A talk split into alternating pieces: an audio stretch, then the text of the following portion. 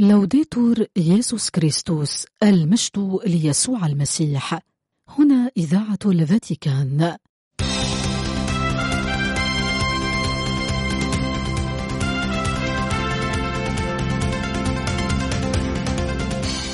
مستمعين الأحباء تحية طيبة من القسم العربي في إذاعة الفاتيكان. ننقل إليكم برنامجنا العربي اليومي حول نشاطات البابا والكرسي الرسولي وأخبار الكنيسة حول العالم. يمكنكم الاستماع إلى برامجنا والاطلاع على آخر الأنباء عبر الإنترنت على الموقع vaticannews.va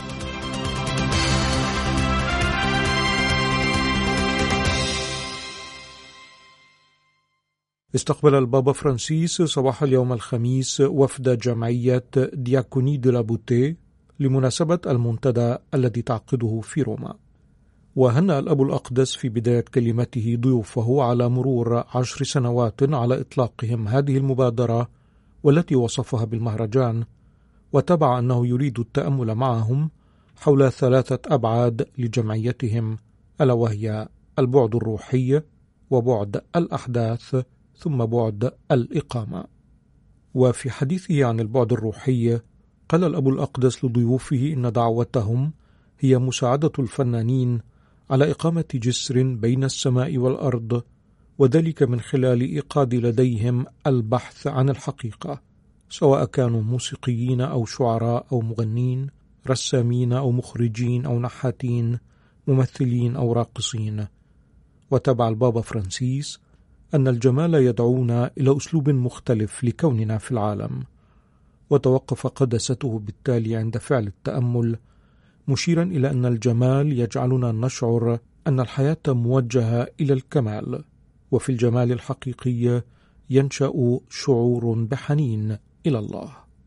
ووصل الأب الأقدس أن الإيمان بالله الخالق لا يمكنه إلا أن يشجع المخلوق على تجاوز الذات والنظر نحو الحياة الإلهية من خلال الإلهام الفني. ثم انتقل البابا فرانسيس إلى البعد الثاني لجمعية دياكوني دي لابوتي أي الأحداث، فأشار إلى نشاط الجمعية الساعي إلى مساعدة الفنانين على إقامة حوار مثمر مع الكنيسة، وذلك من خلال لقاءات وعروض وحفلات موسيقية وغيرها. وقال لضيوفه إن هذا بالنسبة لهم هو أسلوب لجعل قرب الكنيسة مرئيا للفنانين وذلك من خلال حوار مع ثقافتهم وحياتهم. مؤمنين كانوا أم غير مؤمنين؟ وفي حديثه عن البعد الثالث الإقامة قال البابا فرانسيس إن عمل الجمعية يتضاعف من خلال تأسيس بيوت للفنانين في العالم.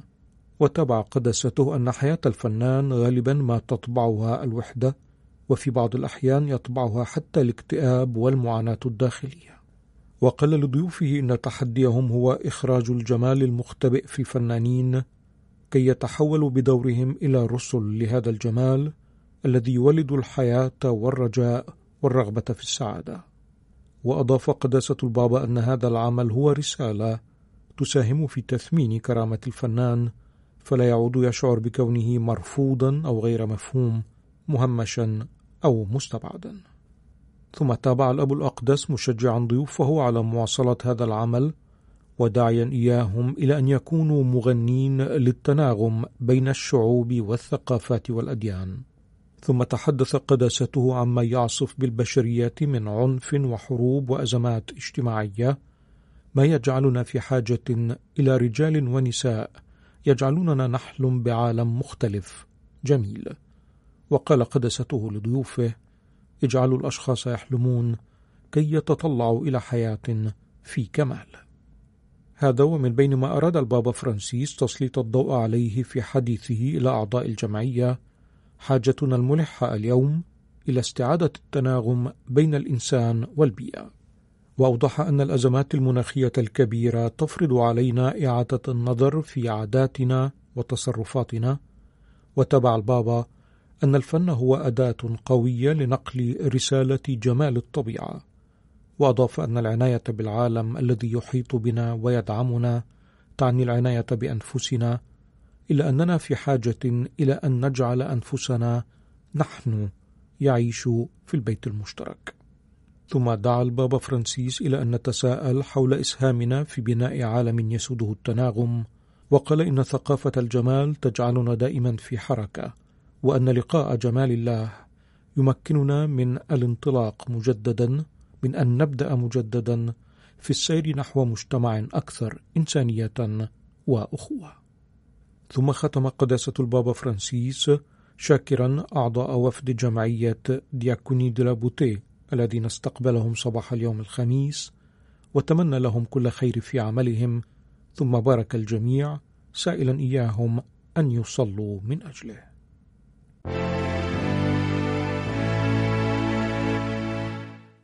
استقبل البابا فرانسيس صباح اليوم الخميس رئيس وزراء رومانيا السيد إيون مارتشيل تشولاكو والذي التقى لاحقا الكاردينال بيترو بارولين أمين سر دولة حاضرة الفاتيكان يرافقه المطران بول ريتشارد غالاغر أمين السر للعلاقات مع الدول والمنظمات الدولية.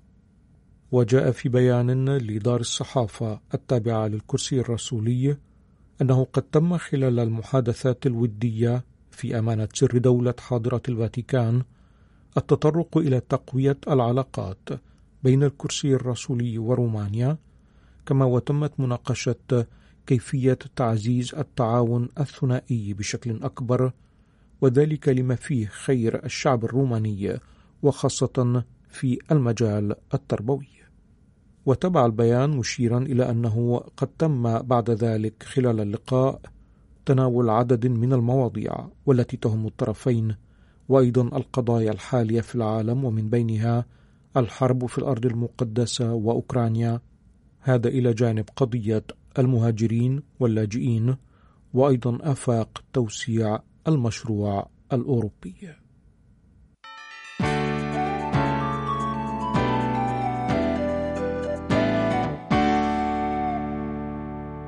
ترأس قداسة البابا فرانسيس عصر الأربعاء في بازيليك القديسة سابينا في روما القداس الإلهي ورتبة تبريك الرماد في بدء زمن الصوم المبارك.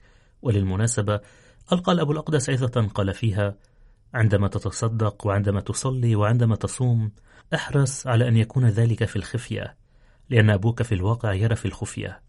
ادخل إلى الخفية. هذه هي الدعوة التي يوجهها يسوع لكل واحد منا في بداية مسيرة الصوم. إن الدخول في الخفية يعني العودة إلى القلب كما حذر يؤيل النبي.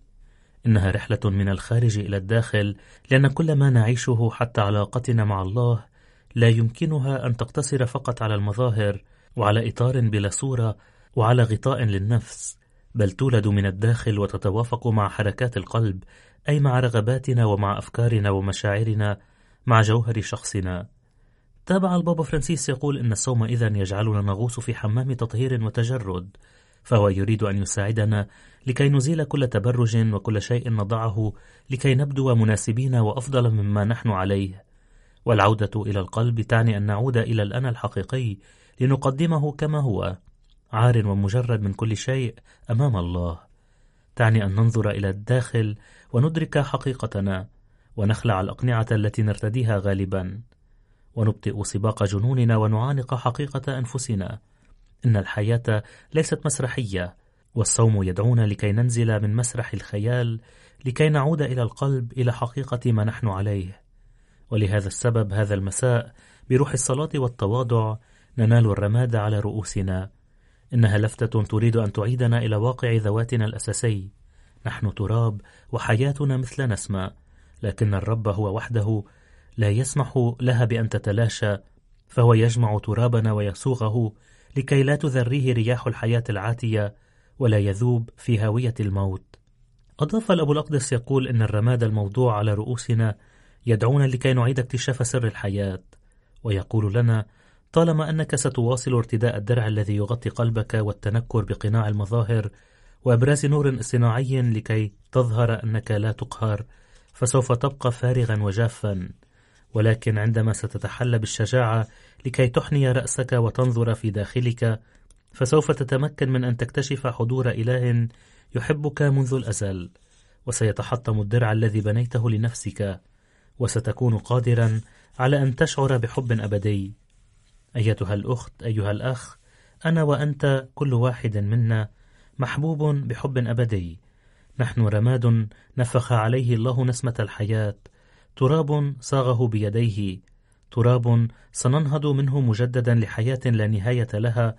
قد أعدت لنا منذ الأزل. وإذا اشتعلت نار محبة الله في رمادنا سنكتشف عندها أننا مجبولون بهذا الحب وأننا مدعوون إلى الحب. فنحب الإخوة الذين بقربنا ونتنبه للآخرين ونعيش الشفقة ونمارس الرحمة ونشارك ما نحن عليه وما نملكه مع من هم في العواز. لذلك لا يمكن اختزال الصدقة والصلاة والصوم في ممارسات خارجية وإنما هي سبل تعيدنا إلى القلب إلى جوهر الحياة المسيحية. وتجعلنا نكتشف أننا رماد يحبه الله وتجعلنا قادرين على نشر الحب عينه على رماد العديد من المواقف اليومية لكي يولد فيها مجددا الرجاء والثقة والفرح. تابع الحبر الأعظم يقول لقد ترك لنا القديس أنسلموس هذه النصيحة التي يمكننا أن نتبناها هذا المساء. اهرب لبعض الوقت من انشغالاتك واترك أفكارك المضطربة قليلا. أبعد عنك في هذه اللحظة الاضطراب والقلق واترك نشاطاتك المتعبة جانبا. بادر إلى الله قليلا واسترح فيه. ادخل إلى أعماق نفسك واستبعد كل شيء ما خلا الله وما يساعدك على البحث عنه وأغلق بابك وابحث عنه. وقل يا قلبي الآن بكل نفسك قل الآن لله أنا أبحث عن وجهك وجهك يا رب ألتمس. لنصغي إذا في هذا الصوم إلى صوت الرب الذي لا يكل من أن يكرر لنا ادخل إلى الخفية عد إلى القلب إنها دعوة سليمة لنا نحن الذين نعيش في كثير من الأحيان على السطح ونسعى لكي تتم ملاحظتنا ونحتاج دائما إلى الإعجاب والتقدير. وبدون أن نتنبه لذلك نجد أنفسنا بدون أي مكان خفي نتوقف فيه ونحافظ فيه على أنفسنا.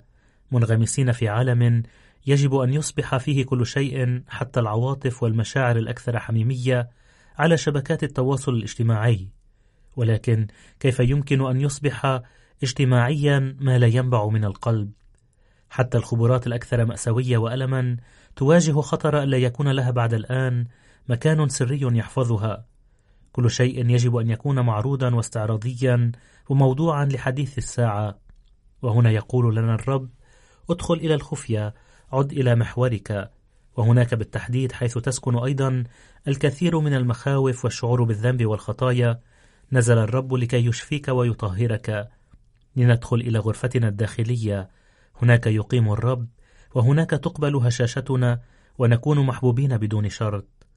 أضاف الأب الأقدس يقول لنعد أيها الإخوة والأخوات لنعد إلى الله بكل قلوبنا ولنعطي في أسابيع زمن الصوم هذه فسحة لصلاة العبادة الصامتة التي نبقى فيها في إصغاء في حضور الرب مثل موسى مثل إيليا مثل مريم ومثل يسوع.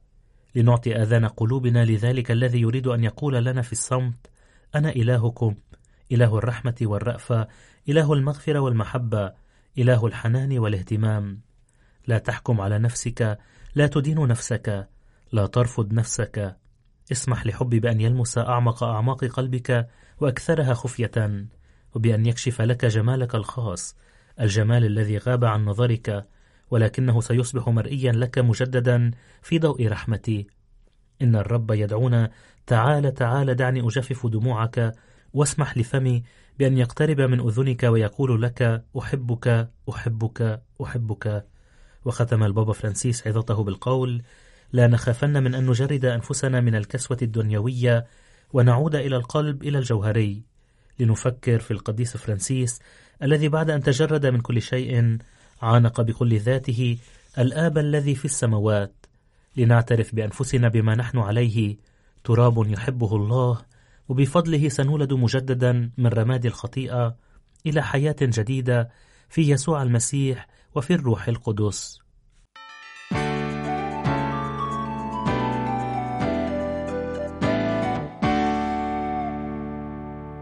تحت عنوان قدسوا صوما ونادوا باحتفال. وجه أسقف الإسكندرية للأرمن الكاثوليك المطران كريكور أغسطينوس كوسا رسالة بمناسبة زمن الصوم الكبير كتب فيها عليكم النعمة والسلام من لدن الله أبينا والرب يسوع المسيح. وأوصيكم صلوا كل حين ولا تملوا فالصلاة تصنع المعجزات. لقد أعلن قداسة البابا فرانسيس سنة 2024 سنة الصلاة استعدادا ليوبيل حجاج الرجاء. سنة 2025 كل أبرشيات المنتشرة في العالم مدعوة إلى تعزيز مركزية الصلاة الفردية والجماعية. لهذا من خلال تأملاتنا الإنجيلية هذا العام سنشترك مع كل شعب الله. لنعيش صومنا بشكل أفضل ولنعيد علاقتنا الروحية العميقة مع الرب. من خلال الطرق العديدة للصلاة والتي نمارسها من خلال تقاليدنا الكنسية الغنية بالروحانيات. لأن الصلاة وحدها تقربنا من الله. وهي قوة وطريق تؤدي بنا إلى القداسة. أضاف المطران كريكور أغسطينوس كوسا يقول يبدأ الصوم عادة بيوم اثنين الرماد والرماد رمز للتوبة واعتراف الإنسان بضعفه. ويذكرنا بيونان النبي حينما نادى أهل نينوى بالتوبة إذ آمن الملك والشعب وصاموا عن الطعام وأجبروا حتى البهائم والحيوانات على الصوم وجلسوا في المسوح والرماد تعبيرا عن خضوعهم للدعوة الإلهية. وتلبية للتوبة المطلوبة. وكذلك نادى يؤيل النبي الشعب قائلا قدسوا صوما. نادوا باحتفال تعبيرا عن التوبة والندم على خطاياهم. ويعتمد الصوم الأول على انقطاع عن اللحوم ومنتجات الحيوانات.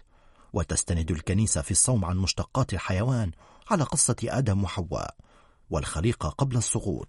لذا تنادي الكنيسة بالصوم الانقطاع عن مشتقات الحيوان كفعل توبة واشتياق إلى حالة النقاء الأولى التي خلق عليها آدم وحواء قبل السقوط والابتعاد عن الله وهكذا بالعودة إلى تناول ثمار الأرض وشجر الجنة. ونقر بأننا أخطأنا بتمردنا على الله ونعلن استعدادنا للعودة إليه. الصوم الثاني الانقطاع عما نحب أو ما يسمى بالأماتة وهذا الصوم شائع عموما حيث يمتنع الإنسان عن تناول أطعمة يحبها وذلك كنوع من إخضاع النفس وتدريبها. على مقاومة الشهوات الجسدية وبالتالي تكريس الوقت والجهد لقراءة الكتاب المقدس والصلاة والذهاب إلى الكنيسة والاهتمام بحاجات الآخرين والتطوع في الخدمات الخيرية ولهذا سميت إماتة حيث يميت الصائم شهوته للطعام المفضل لديه أو الأمور الممتعة له ليضع تركيزه على أمور أخرى للتقرب من الله وخدمته وخدمة القريب. الصوم الثالث الانقطاع التام عن الطعام يوميا من مشرق الشمس إلى مغربها. هذا الصوم مارسه الشعب في العهد القديم وخصوصا الأنبياء دانيال وموسى وإيليا. وأيضا الرب يسوع نفسه انقطع عن الطعام كليا حتى جاع كما كتب لنا القديس متى الإنجيلي. ويجد الذين يمارسون هذا النوع من الصوم أنه تدريب للنفس والجسد والخضوع لله والتوبة له وطاعة لكلمته. إن هذا النوع من الصوم يعتمد على ترتيب شخصي أو جماعي لحاجة ما تلبية لقول المسيح وأما هذا الجنس فلا يخرج إلا بالصلاة والصوم. وأضاف المطران كريكور أغسطينيوس كوسا يقول بالإضافة إلى الصوم هناك الصلاة والصدقة حيث يعتبر زمن الصوم وقتا لتكريسه للصلاة وقراءة الكتاب المقدس والتأمل في عمل الله الخلاصي من أجلنا. وعندما نعرف مدى محبة الله وعطاياه الكثيرة لنا. ونعطي مما حرمنا منه أنفسنا طوعا للمحرومين بسبب الأحوال المادية الصعبة التي يمرون بها. وبذلك نتعلم في زمن الصوم بالتضحية وبذل الذات والمال لمن يحتاجهم. تابعين ما عمله أهل قورنثوس الذين أفاضوا في العطاء بسخاء. فأسلموا أنفسهم إلى الرب أولا ثم بعمل الإحسان.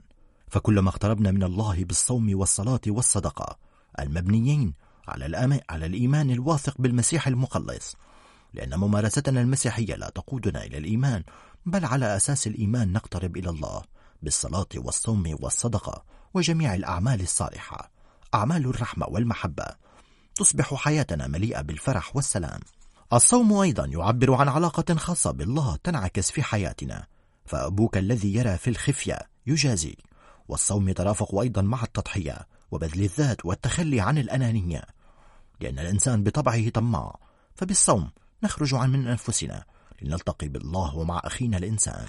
وختم أسقف الإسكندرية للأرمن الكاثوليك المطران كريكوريو أغسطينوس كوسا رسالته بمناسبة زمن الصوم الكبير بالقول في الصوم نتذكر أننا نصوم لنشبع قلب الله ونفرح به ولتشبع قلوبنا بالله وبخدمة أخينا الإنسان. الصوم هو رحلة مع المسيح ونموت فيها معه عن خطايانا لنقوم معه إلى حياة أفضل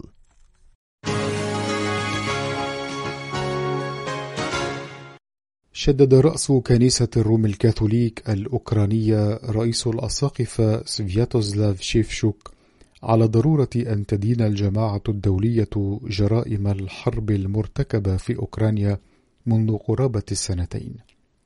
جاء دعوة سيادته خلال مؤتمر صحفي عقده في روما وبالتحديد في مقر المؤسسة البابوية مساعدة الكنيسة المتألمة مع اقتراب الذكرى السنوية الثانية للغزو الروسي لأوكرانيا.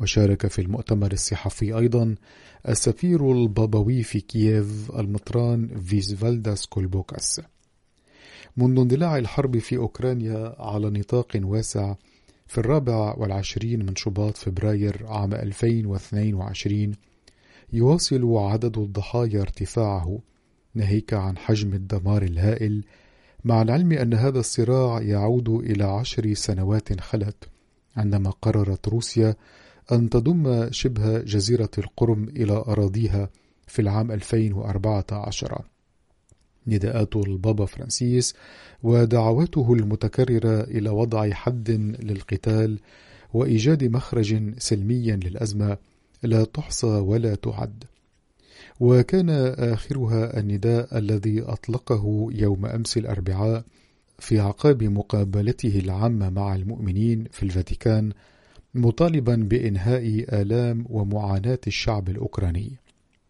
خلال مؤتمره الصحفي توقف رئيس الأساقفة شيفشوك عند الأوضاع الراهنة في بلاده وحاول أن يقدم صورة عما سماها بالمأساة التي يرزح تحت وطأتها المواطنون الأوكرانيون. نظم اللقاء لمناسبة الذكرى السنوية العاشرة لبداية الصراع المسلح في أوكرانيا والذي اندلع مع الاجتياح الروسي لشبه جزيرة القرم وأجزاء من الشرق الأوكراني. وبالتحديد في العشرين من شباط فبراير 2014 وتزامن هذا المؤتمر الصحفي أيضا مع اقتراب الذكرى السنوية الثانية للغزو الروسي الواسع النطاق لأوكرانيا.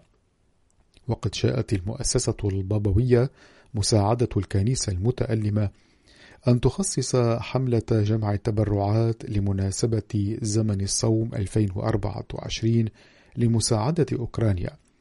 وقد استضافت في مقرها المؤتمر الصحفي لتسليط الضوء على الأوضاع التي يواجهها المسيحيون في البلاد.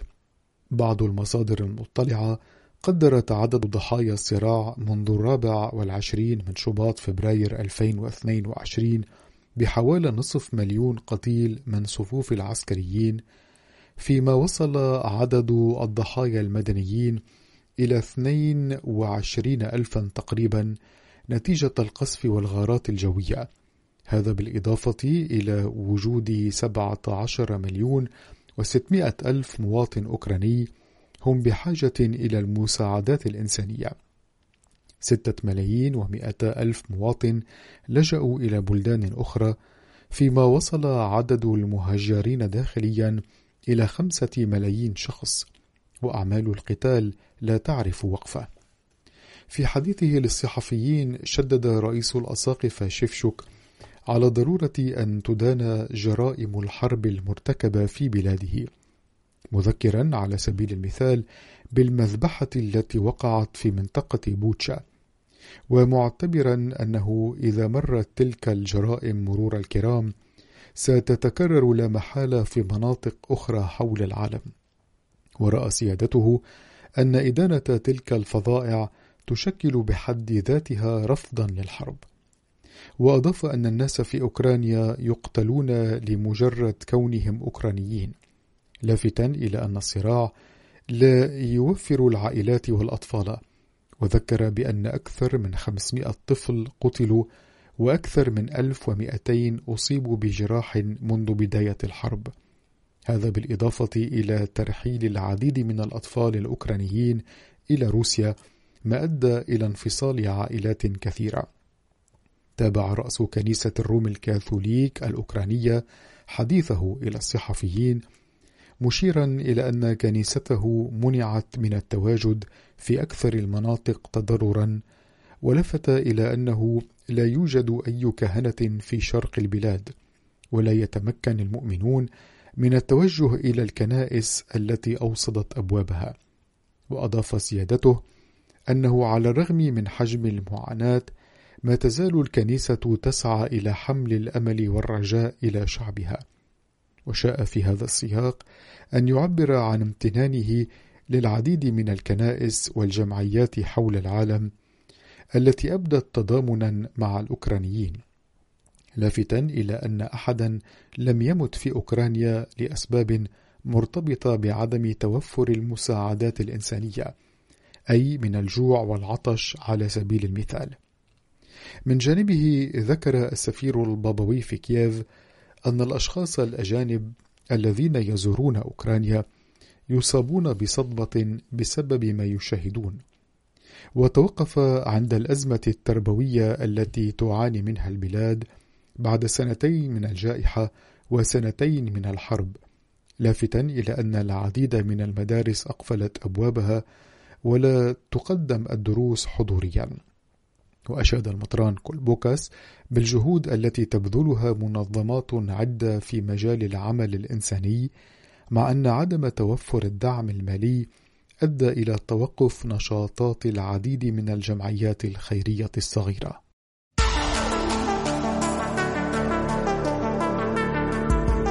بهذا نأتي إلى ختام نشرتنا الإخبارية.